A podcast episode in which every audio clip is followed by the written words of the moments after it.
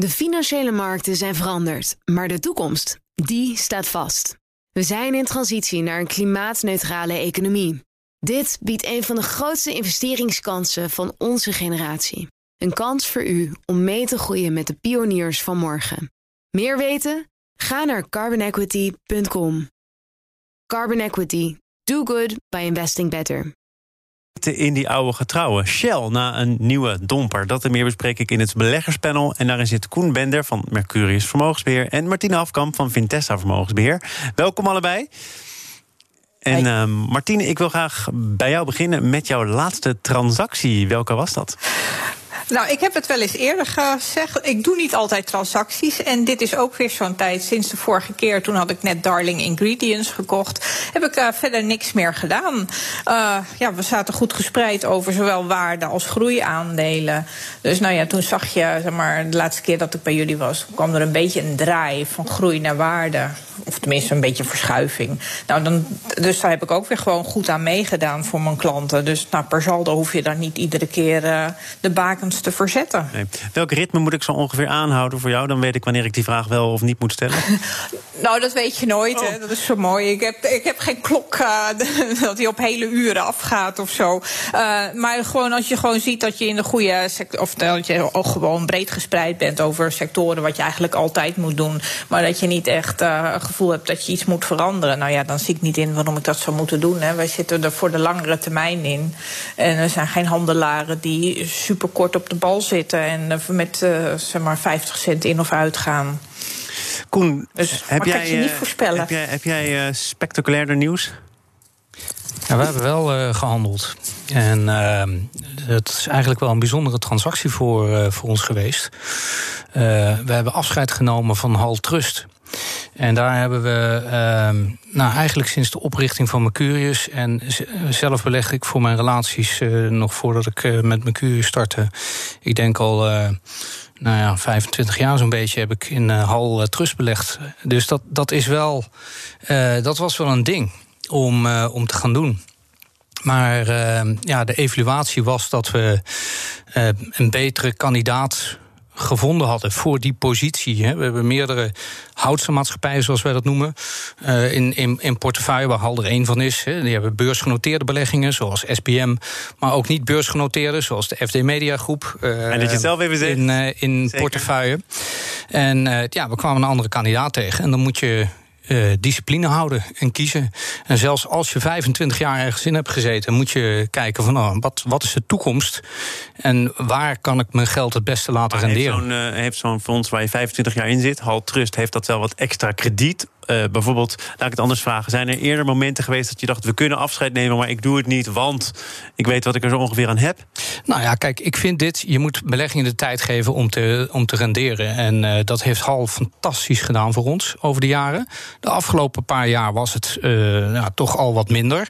Maar dat geeft niet, dat kan gebeuren. Dat kan de portefeuille ook heel goed hebben. dan, dan worden we op andere plekken wel weer gecompenseerd. Alleen je moet wel altijd heel kritisch blijven kijken: is dit de beste eh, de beste propositie. En uh, beleggen gaat ook om discipline. En de discipline uh, voor ons in de spreiding was: we hebben meerdere houtse maatschappijen. Die vinden we allemaal betere vooruitzichten hebben. Er komt een kandidaat langs waarvan we denken: hé, hey, dit is wel heel erg sterk. Ehm, dus moeten we geld vrijmaken. En, in dat, en die afweging is Hal ehm, ja, gesneuveld, om zo te zeggen. Dat, en in zoverre maakt het ook wat.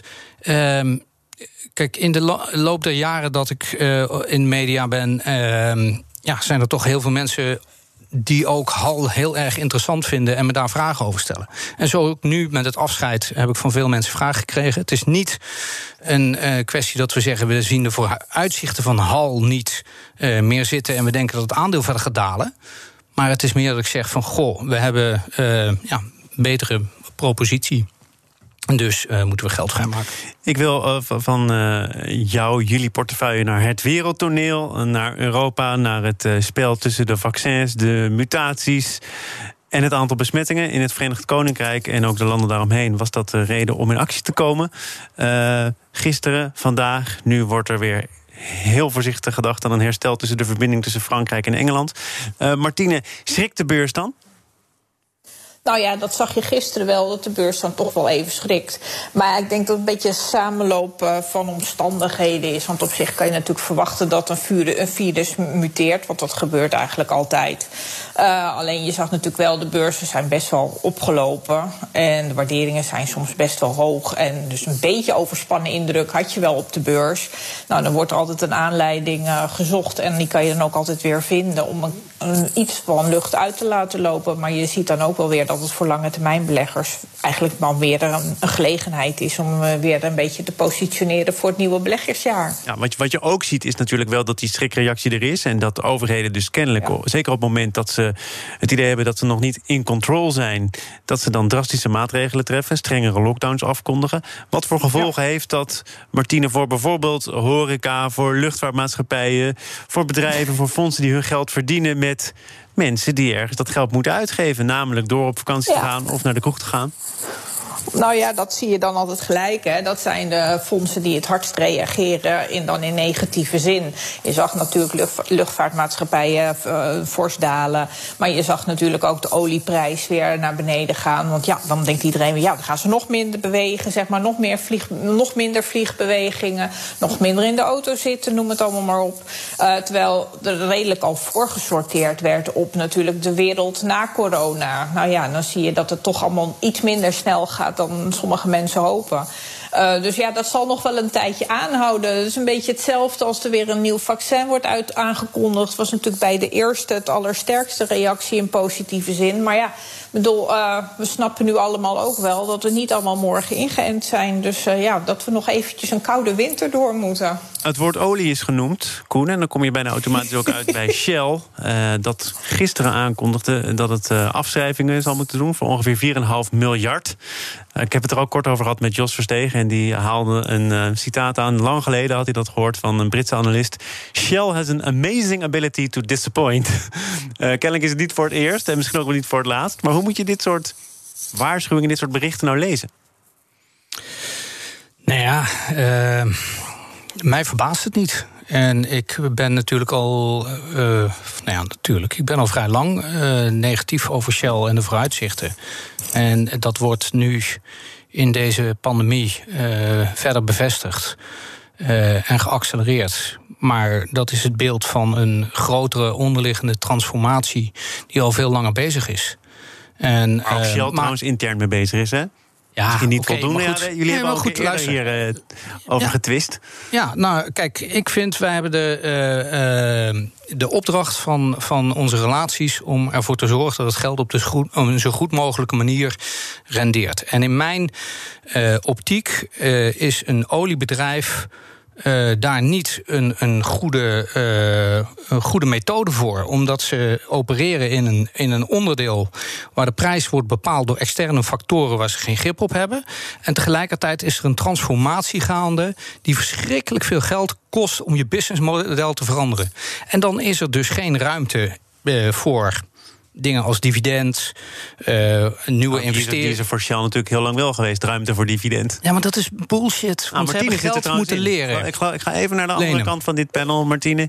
Uh, jij zit toch nog altijd in Shell? Want als dat niet zo was, had je het net even ja, gezegd. Hoor. ja. ja hoor, dan had ik dat gezegd. Ik zit er nog steeds in. Ik weet dat Koen er al heel lang niet in zit. Maar dat is altijd zo mooi. Daar heb je verschil.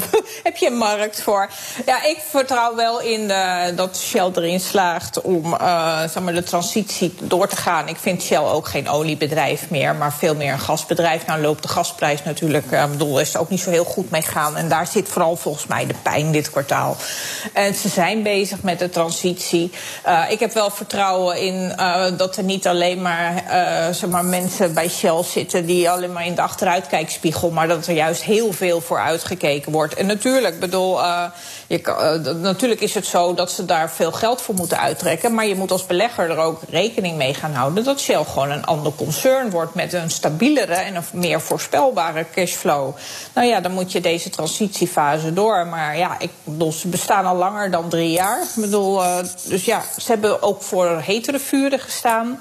Dus in die zin heb ik wel vertrouwen dat, uh, erin dat Shell wel een bedrijf is wat. Uh, mee kan gaan in de vaart der volkeren. En ook in staat is om zich om te vormen. Nou, ik merk dat, Koen zijn moment afwacht. Want, want, want hier wordt dus wel oh, gezegd: als, je, als je dus die uh, transformatie tot een goed einde weet te brengen, dan ben je uiteindelijk zometeen ook minder afhankelijk van factoren uh, waar je zelf minder invloed op hebt. Uh, en dan is het misschien juist een hele stabiele belegging, Koen. Ja, dat kan, dat kan prima zo zijn. Maar in de tussentijd vind ik dat ik gewoon uh, uh, mijn relaties geld moet laten verdienen. Omdat er ook voldoende tegenslagen komen die ik niet kan voorspellen. Zoals een pandemie. En als ik dan zie dat er. Kijk, ik vind gewoon een aantal bedrijven. Daar, daar wil ik gewoon fundamenteel zie ik niet hoe die geld gaan verdienen. Er is zo verschrikkelijk veel geld nodig voor Royal Dutch om te veranderen. Kijk naar DSM. Vroeger, weet je waar dat voor staat? Ja, ik weet het. Ik heb een eh, Limburgse moeder en mijn hele familie heeft daar eh, geld mee verdiend. En, en steen, steenkolen komen er al sinds de jaren 70 niet meer uit de grond in Limburg. Het bedrijf heeft zich moeten transformeren.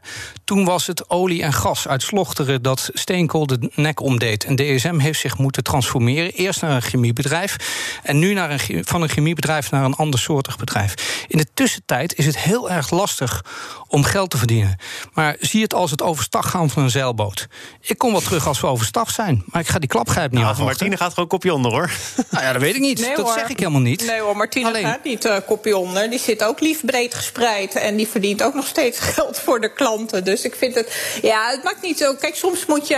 Het is het moment waarop je erbij wil zijn. Op, uh, dat, je de, zeg maar, dat je er geduld voor hebt om een transformatie af te wachten. Want ik van, dan vind ik DSM wel een goed voorbeeld. Volgens mij hebben beleggers daar toch een heel, best aardig mee uh, gedaan. Met, met dat aandeel. Maar, maar, afgelopen paar jaar zeker. maar de periode daarvoor niet. Waarom, waarom is dit een moment om erbij te willen zijn in het geval van Shell? Nou, omdat ik er wel vertrouwen in heb. En als het dan goed gaat. Je ziet ook natuurlijk toen de olieprijs ging stijgen. hoe hard de koers van Shell ook weer omhoog ging. Ik bedoel, we zijn, het was natuurlijk heel hard gedaald. Uh, maar als er dan ook zomaar weer 40% bij de prijs op kan. vanaf het dieptepunt. Nou ja, bedoel, je hoeft niet altijd van een vis hè, om in watertermen te blijven. Je hoeft niet die kop en die staart te hebben. Mijn middenstuk is ook goed. Dus nou ja, dan, uh, dan zit ik er maar vast in. Maar ik hoef niet alleen het kopje te hebben, ja. zeg maar. Dan dat durf ik wel. Je moet, je moet tegenwoordig ook de afdeling juridische zaken goed in de gaten houden. Als je het hebt over Shell. Want er speelt nog altijd die zaken. Aangespannen door Milieudefensie en een aantal andere maatschappelijke organisaties. Met steun van 17.000 burgers. Waar het gaat om het afdwingen van vergroening. En het bijstellen, het verscherpen van de ambities. Um, is, dat, is dat een reden ook voor jou, Koen, om te zeggen: Nou, dit laat ik even voorbij gaan? Ja, eh, nogmaals, ik, eh, ik heb vroeg geen enkele verplichting om in welk aandeel dan ook uh, te beleggen en te wachten totdat uh, de boel uh, gekeerd is. Ehm, dus ja, wij, wij zitten in hele andere proposities, super breed gespreid. en ja, ik ga daar ik ga, ja, ik ga niet wachten bij Shell tot het een keer gedraaid is. Ik uh, fiets elke dag op weg naar kantoor langs uh, het hoofdkantoor. En uh, ja, prachtig, maar niet, niet voor mijn portefeuille. We fietsen door naar andere hoofdkantoren, namelijk die van de banken. Zaken doen. En dat doe ik in het gezelschap van het beleggerspanel. En daarin zit Koen Bender van Mercurius Vermogensbeheer... en Martine Hafkamp van Vintessa Vermogensbeheer. En ook de banken die hebben het uh, zwaar. Dat is niet iets van gisteren en ook niet iets van eergisteren. Dat is al een tijdje zo. En uh, nu is er ook nog vanuit de, de ECB, de Europese Centrale Bank... het advies, het dringende advies om terughoudend te zijn... daar waar het gaat om het uitkeren van dividend. Er zijn al Nederlandse banken die hebben gezegd... nou, dat respecteren wij. Martine, is dat een verstandig besluit om dat dividend voorlopig eventjes te parkeren? Nou, dat lijkt mij wel. Want op zich, natuurlijk banken zitten in een beetje zeg maar, tussen de hamer en het aanbeeld. Want aan de ene kant hebben ze natuurlijk ook die slechte periode, of zware periode. Want er komen allemaal mogelijke wanbetalingen op uitstaande leningen. En door de lage rente en de toenemende kosten van bijvoorbeeld steeds eh, scherpere regelgeving, heb je natuurlijk steeds meer. Uh, staat dat verdienmodel structureel onder druk. En als je er dan vanuit gaat dat de rente voorlopig nog wel laag blijft, ja, dan lijkt het me handig dat je even geld wat je zeg maar, als winst uit zou keren, dat je dat nog even achter de hand houdt. Voor het geval er wat meer slechte leningen komen dan je dacht. Valt nu toch nog wel mee. Ik geloof dat het gaat over 3, 4 procent. En, ja. en van alle kanten hoor ik, ja, die banken die staan er heel veel beter voor. Die hebben verplichte buffers en die zitten daar nog weer ver boven. Dus zoveel kan er niet misgaan. Maar kennelijk weinig nou ja, vertrouwen in de banken dat er ook nog dividend af kan. Nou ja, ik denk altijd beter safe dan sorry. Uh, en dan ook, bedoel, die rente, wat ik al zei, als de rente laag blijft, blijft dat verdienmodel toch ook nog wel enigszins uh, eufemistisch uitgedrukt onder, onder druk staan. Uh, ja, en dan heb je ook natuurlijk nog misschien wel heel veel mensen die even de hypotheek niet hoeven te betalen. Ik weet niet hoe lang dat duurt en hoe lang uh, mensen uh, ook natuurlijk uh, bedrijven hun broek kunnen ophouden. Ja. Ook als de steun van de overheid natuurlijk terug afgebouwd wordt. Dus Koen, Mercurius Vermogensbeheer zit niet in Shell. En denk ik, voorzichtige voorspelling, ook niet al te groot in banken. Uh, nou, Thomas, je, je, hebt goed naar me geluisterd de afgelopen periode. Overigens, we zitten wel in obligaties van banken. Kijk, ik vind het uh, een, uh, een beetje raar om te zeggen... we gaan vanwege dividend van een aandeel ergens in, in, in beleggen. Dividend moet een cadeautje zijn. Als het, als het goed gaat, dan kun je dat uitkeren en, en anders niet. Dan moet je ervoor reserveren. En uh, wij hebben obligaties van banken. Die geven een hele hoge coupon. En die worden niet geknipt op het moment dat het tegenzit. Of veel later. Kijk, ehm, de, het, is de, de, de, kip met de gouden eieren. dat moet het dividend zijn. En dat was het jarenlang bij banken. Dat was het jarenlang bij andere bedrijven, bij Koninklijke Olie. 80 jaar lang zijn dividend niet verlaagd. Dus waarom zouden ze het nu doen? Maar dat, uh, die tijd is voorbij. En ook onder druk als direct gevolg van 2008, waarin toezichthouders zeggen: we gaan dat niet meer op een bepaalde manier doen. Als we jullie steunen, dan stellen we er voorwaarden aan. En een van die voorwaarden kan zijn: je mag geen dividend uitkeren. Nou, als je dat risico, dat externe risico, moet aangaan voor je portefeuilles, dat wil ik niet. Dus zeg ik van nou, dan vind ik het wel interessant om te kijken naar obligaties. Want maar jij banken dividend zijn... sowieso dus niet iets om op te sturen? Nee, absoluut niet. Nee, als je geld nodig hebt uit je portefeuille, dan houden we toch de kaasschaaf eroverheen. Maar als ik, eh, ik ben blij dat ik eh, de afgelopen jaren eh, dat, dat al helemaal niet gedaan heb. Eigenlijk nooit. Ik bedoel, je zit dus nog wel in banken via obligaties. En uh, Martinez gaat net een, een lange termijn toekomst... waarin die banken het lastig houden door de lage rente... maar misschien toch ook wel door de opkomst van andere partijen zoals fintechs of branchevreemde partijen. Tuurlijk. Uh, dus, dus, je zit nu nog uh, misschien redelijk goed met die obligaties. Maar als banken echt het onderspit gaan delven of een minder grote rol op zich kunnen nemen. Ja, dat, maar dat is hoe dus goed je werkelijk zit. Ja, nou ja, goed, daar, daar hebben we het. Uh, en, en, banken proberen het wel. Hè. We hebben het net nog gehad over Van Landschot, die met, uh, nu met een low-cost carrier probeert uh, te komen voor online vermogensbeheer. Daar EVI natuurlijk al voor opgezet hebben. Maar dan nog moet je je afvragen hoe dat op lange termijn allemaal gaat gedijen. En dat zijn hele grote investeringen. En ja, ik, ik ga liever nogmaals, uh, kijken naar bedrijven die een goede vermogensgroei kunnen laten zien. En als ik dan geld nodig heb om van te leven, dan haal ik wel, uh, haal ik wel wat geld uit die portefeuille. Dan verkoop ik wat. Martien, hoe kijk jij naar die, die fintechs? Hè? Want ook die melden zich op de beurs. Volgens mij redelijk recent weer TransferWise. Met uh, plannen in ieder geval om. Tot een beursgang te komen, een miljarden beursgang. Is dat het zoveelste signaal dat de banken, de gevestigde orde, moet oppassen? Nou ja, dat moet al een tijdje natuurlijk. En ook daar, bedoel, digitalisering en natuurlijk alles waar het allemaal over gaat. Ik bedoel, ook banken zullen zich moeten omvormen. En sneller dan ze willen waarschijnlijk. En ook misschien wel sneller dan ze kunnen. Maar bedoel, anders word je links en rechtsom ingehaald. Ik bedoel, de wereld staat niet stil. En dat is ook uh, een reden, juist dan door natuurlijk, omdat de inkomsten best onder druk staan. Dat ik eigenlijk al heel lang dan weer niet in banken belegd ben. Doe ik ook wel eens iets niet. We gaan dus nee, ik denk ik. Tot slot naar de, de online brokers. Want uh, dat is uh, wel, wel een opmerkelijk bericht in deze tijden. Uh, thuiswerkers, die hebben nu tijd over. Die hoeven niet meer naar hun werk. En Financial Times, was het geloof ik, schreef dat dat vaccin ervoor kan zorgen dat mensen wel weer naar kantoor gaan. En dat ze minder tijd overhouden voor even een snelle transactie hier en daar nog een dingetje. dus dat die brokers denken van ja, jammer dat vaccin. Koen, snap je dat? Ja, dat snap ik ergens wel. Er zijn, er zijn best veel mensen die, die, die, begonnen zijn met, met, met beleggen. En, die, en, en ja, die zijn fantastisch voor zo'n voor zo'n online broker. Want die, doen, die vinden het leuk. En zeker als ze dan beginnen in een periode waarin die beurs stijgt, hè, dan, dan gaat bijna alles omhoog. En nou, dan hebben ze een gevoel van, van, van euforie. en, en, en doen nog eens een transactie en nog eens een transactie. En dat is precies waar die brokers op, op draaien.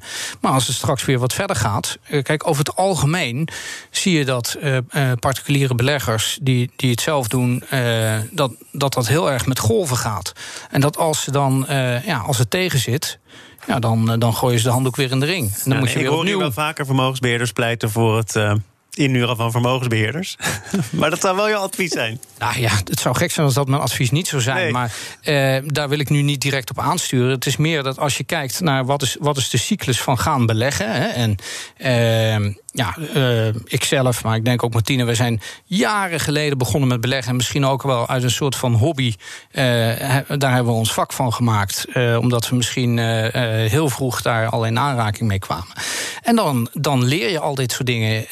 en, en uiteindelijk groei je uit tot, tot professional. Maar de eerste beginfase, dat gaat letterlijk met vallen en opstaan. Ook op de beurs. Ik heb maar weinig beleggers die elk jaar een fantastisch rendement maken. En, en, en, en alle index er zit natuurlijk ook wel een verschil, Martine. En dat verschil wordt in dit panel wel eens eh, gemaakt. Tussen beleggen, de lange termijn in de gaten houden. En flitshandel, speculatie, nog even snel een transactie. Eh, is dat waar die ehm, beginnende beleggers zich veelal mee bezighouden? Ja, dat zie je natuurlijk ook in de populaire aandelen of de aandelen waar het meest in gehandeld wordt. Dat zijn, uh, bedoel, dan heb je toch een beetje kuddegedrag dat iedereen door dezelfde deur naar binnen wil om met z'n allen sommige aandelen te kopen of bitcoins of whatever. Uh, en dan als je zo, dat, is, dat vind ik inderdaad ook helemaal geen beleggen, dat is gewoon lekker gokken. En dat is, ja, bedoel, nee, lekker dat gokken, is een beetje ja, bijna. Prima. ja, nou, dat is helemaal prima natuurlijk. En dan is het precies wat Koen zegt, dan heb je twee keer succes. Nou, dan vind je jezelf de meest briljante belegger die er bestaat. En dan durf je nog steeds iets meer en dan ga je nog verder. Ja, hoe, hoe, prima is het, hè? Want, want uh, in het nieuws is ook uh, Robin Hood, hè? Uh, de, de, ja. ook de broker, als je het toch nog zo mag noemen. beboet voor 65 miljoen dollar. Daar speelde van alles. mensen die verslaafd werden. Mensen die uiteindelijk ook geen uitweg meer zagen. Er heeft een 20-jarige jongen zelfmoord gepleegd na een fout. die gerelateerd is aan hoe, hoe Robin Hood zijn zaken wel of vooral niet geregeld had. Is, is het spel voor die online brokers niet een einde, maar wordt dat aangescherpt, denk jij, Martine? Nou, dat weet ik niet. Uh, dit, uh, in het geval van Robin Hood ging het ook over, ja, over uh, zaken die tussen 2015 en 2018 speelden. En dat was dan dat ze de informatie van hun particuliere beleggers, zeg maar de handel, dat ze dat doorgaven van de flitshandelaren. Wat op zich niet verboden is. Maar je moet het wel duidelijk, er transparant over zijn. Dat is natuurlijk het hele verhaal altijd, dat je transparant bent over kosten. dus dat die eigenlijk, al die particuliere beleggers blijkt dan ook weer, ja, gratis bestaat niet. want er wordt natuurlijk gewoon iets met gedaan met jouw informatie. Uh, dus dat die daardoor iets van 34 miljoen uh, ja. extra kosten eigenlijk in rekening gebracht zouden krijgen. Nou, het gaat er meer om natuurlijk. Heel, sommige mensen moet je wel eens tegen zichzelf beschermen. Maar ik denk ook dan moet je zorgen dat je je klantinformatie op orde hebt. En ja, dat moeten wij als vermogensbeheerder moeten wij dat als geen ander. Zodat je ook mensen een beetje beschermt tegen zichzelf soms. Uh, dat ze niet te veel risico kunnen lopen. Maar ja, helemaal ja, helemaal voor voorkomen kan je dit natuurlijk nooit. Want je, iedereen kan gewoon een, eh, een ordertje ja. inleggen, Goed. om dat maar zo te doen. Je kan het niet helemaal voorkomen. Moet het worden aangescherpt? Uh, is die situatie rondom Robin Hood iets uh, wat symptomatisch is voor wat er op andere plekken ook gebeurt? Ja, absoluut. Kijk, zo'n zo'n online broker verdient een belangrijk deel aan het doen van transacties. Alleen over het algemeen staat vast dat ehm, een, uh, het doen van transacties niet noodzakelijkerwijs goed is voor je portefeuille. Daar begonnen we mee. Hè? Martine die terecht zegt, van, nou, er zijn ook vaak periodes waarin je helemaal geen transacties doet. En, en ja, wij uh, nu na 25 jaar nemen we afscheid ergens van. Ja, als je dan per transactie zou worden betaald, dan schiet het niet echt ja, op. Die, die brokers die kunnen daar geen, eh, geen kerstpakket van kopen, kan ik je vertellen. En daar zijn ze natuurlijk wel naar op zoek. Dus die proberen je een impuls te geven hè, met, met nieuws, met uh, allerlei andere, eh, om er een spel van te maken en te zorgen dat je uiteindelijk veel transacties doet. En, en dat is niet correct. Weet je, wij, uh, dat, dat noem je in onze business, noem je dat churning. Eh, gewoon ook veel zou je omdraaien. wel beter van kunnen worden. Niet alleen als broker, maar toch ook als klant van die broker. Of, of kan dat op de lange termijn nooit uit? Nou ja, ik, ik vraag het me af. Kijk, uh, je moet je keuze. Als je heel veel handelen is over het algemeen niet goed voor je, uh, voor je rendement. Tenzij het echt misschien met algoritmes, maar dan zit er een structuur achter. Dan zit er een bepaalde discipline achter. En dat heeft dit uh, vaak niet in zich. Het is vaak een, een, een nieuws-item uh, wordt er op je afgevuurd. En dan wordt de suggestie gedaan om erop te gaan handelen. Ja, ja dus wij zijn ook medeplichtig. Nou ja, soms wel. Oh jee. Nou, hier in het kader van de ijzeren discipline moet ik zeggen, het zit er weer op. Ik heb de klok als uh, echte strenge meester. Martine Hafkamp van Vitesse Vermogensbeheer, dankjewel. Blijf lekker in Shell als je daar prettig bij voelt. en Koen Bender van Mercurius Vermogensbeheer. Ook uh, dank voor jouw komst. Dit was het voor uh, BNR Zaken doen uh, wat betreft vandaag. Morgen dan zet ik de bloemetjes buiten met Marco van Zijverde van Dutch Flower Group. Hij is bezig aan zijn laatste dagen als topman. En wat voor dagen zijn dat met een coronavaccin dat eraan komt... maar toch ook tegelijkertijd die beperkingen richting het Verenigd Koninkrijk. Hoe je daar als bedrijf en als vertrekkend topman mee om moet gaan... dat hoor je morgen in BNR Zaken doen. Zometeen eerst Nieuwsroom, onze dagelijkse podcast van het FD en BNR. Gepresenteerd door Mark Beekhuis. Geniet daarvan. Tot morgen. De financiële markten zijn veranderd, maar de toekomst, die staat vast. We zijn in transitie naar een klimaatneutrale economie. Dit biedt een van de grootste investeringskansen van onze generatie. Een kans voor u om mee te groeien met de klimaatoplossingen van morgen. Meer weten? Ga naar carbonequity.com. Carbon Equity. Do good by investing better.